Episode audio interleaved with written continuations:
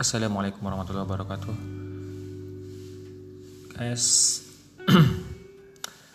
Akhir-akhir ini kita lagi nengok viral-viral di media sosial, di televisi Tentang kasus kejadian eh, yang katanya bentrok antara FPI dengan polisi Dan terjadilah kesimpang siuran berita Dan satu pihak merasa difitnah, satu pihak lagi merasa juga paling benar dan ini sangat uh, mengacaukan situasi saat ini.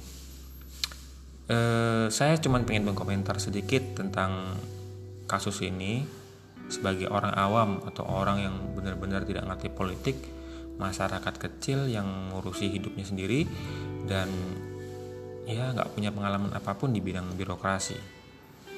Jadi saya hanya melihat dari sudut pandang orang awam seperti saya kasus ini sebenarnya memalukan dan memilukan.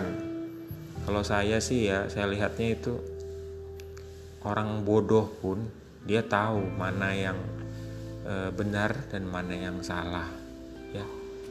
Polisi mohon maaf pak polisi yang terhormat. Di mana-mana setahu saya orang bodoh ini kalau ada penjahat itu tidak langsung dibunuh atau dieksekusi minimal dilumpuhkan. Ya ini tidak enam orang bisa dilumpuhkan semua di di dieksekusi mati semua di tempat. Dan lucunya tidak dieksekusi di tempat kejadian pembuntutan di jalan tol itu yang di Jakarta. Kemudian apa ya e, kalau kalau seperti itu saya rasa kita nggak perlu lagi yang namanya jaksa agung. Kita nggak perlu lagi namanya pengadilan. Kita nggak perlu lagi namanya advokat ya. Pokoknya begitu salah dor di tempat selesai. Nah kalau seperti itu namanya apa ya? Hukum jalanan atau hukum apa yang e, jadi seolah-olah kasihan lah pekerjaan para hakim dan jaksa. Tidak ada. Mereka langsung dieksekusi aja dimatikan di tempat. Sungguh ini merupakan menurut saya uh, ini pelanggaran ham berat. Ini menurut saya. Sebagai orang bodoh yang nggak tahu tentang dunia perpolitikan hanya melihat dari kacamata masyarakat kecil. Ya. Memang ada memang ada sebagian orang yang saya lihat di media sosial mengatakan woi saya mendukung Pak TNI Pak Kapolri. Kalau perlu bubarkan FPI kalau perlu berangus semuanya. Uh, ya gitu-gitu. Banyak sih mendukung ya wajar lah gitu. Tapi saya melihatnya begini ya teman-teman ya. Khusus untuk yang muslim.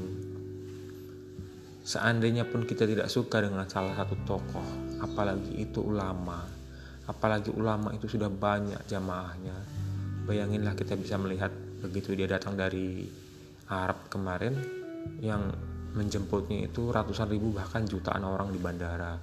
Artinya apa teman-teman ulama ini adalah ulama yang paling disegani. Doakan banyak jamaahnya. Makanya ada istilah daging ulama itu beracun.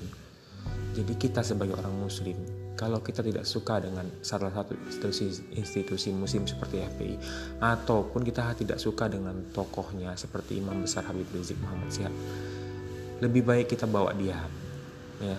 Tidak usah berkomentar apalagi mencaci maki apa nggak takut nanti kualat? Apa nggak takut nanti kena azab? Apa nggak takut nanti uh, jadi apanya jadi balik timbal balik ke kita? Kan bahaya kalau kayak gitu. Ya kan guys? Jadi menurut saya nggak usah lah terlalu kali dengan FPI itu. Dengan Habib Rizik itu dia ulama. Kita nggak suka ya sudah jangan diikuti jangan apalagi dicaci maki. Nggak usah nggak perlu. Itu aja sih untuk pagi ini